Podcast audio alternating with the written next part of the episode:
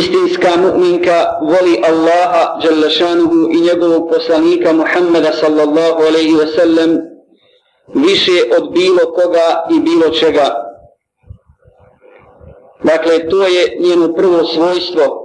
Ona voli Allaha i njegovog poslanika sallallahu alaihi ve sellem više od same sebe, svoje djece i svih ostalih ljudi. A kako da ne bude takva kada zna za riječi Rasula sallallahu alaihi wa sallam niko od vas neće vjerovati istinskim imanom sve dok mu ja ne budem draži od djece i roditelja i svih ostalih ljudi. I zna da se neće domoći slasti imana sve dok joj Allah i njegov poslanik sallallahu alaihi wa sallam ne budu draži od svega ostalog kako to stoji u hadisu koji je mutafakun alejhi, dakle u hadisu na kojem se složili Buharija i Muslim je kaže Rasul sallallahu alaihi ve sellem kod koga se nađe troje osjetit će slast imana.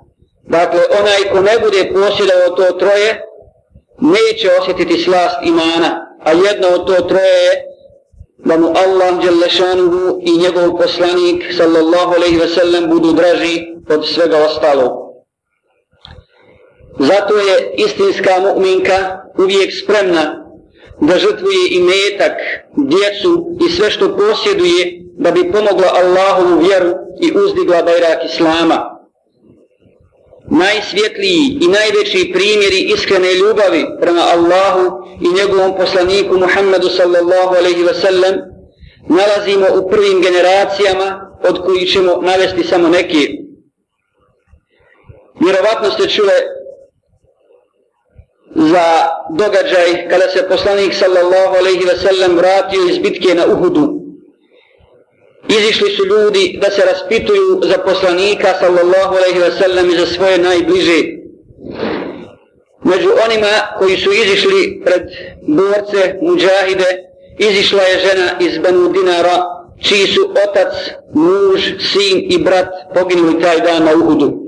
Dakle, poginuli su joj najbliži njeni, otac, muž, sin i brat. I kada su joj obavijestili o tome, nije se puno uzbudila jer ju je briga za poslanikom sallallahu alaihi wa sallam i njegovim životom zaokupila i zaboravila na sve ostalo. I kada ga je vidjela rekla je zaista je svaka nesreća nakon tebe lahka. Dakle kad tebe vidim živog sve, svaki musibet i svaka nesreća koja me pogodi je lahka.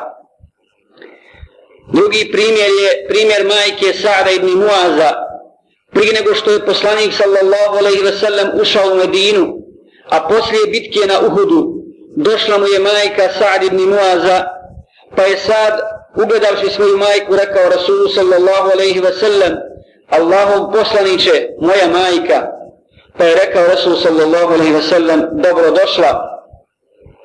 I nakon što se približila poslaniku, alaihi salatu wassalam, on je izrazio svoje saosjećanje i saučešće zbog njenog sina, Amra ibn Muaza koji je poginuo taj dan, a imao je 32 godine, a ona je rekla, nakon što sam tebe vidjela živog i zdravog, lakše mi je podnositi ovaj musibet i ovo iskušenje. Dakle, tako se ponašaju istinske mu'minke i one sve žrtvuju u ime Allaha Đalešanuhu slijedeći Rasula sallallahu alaihi wasallam i uzdižujući bajrak Islama.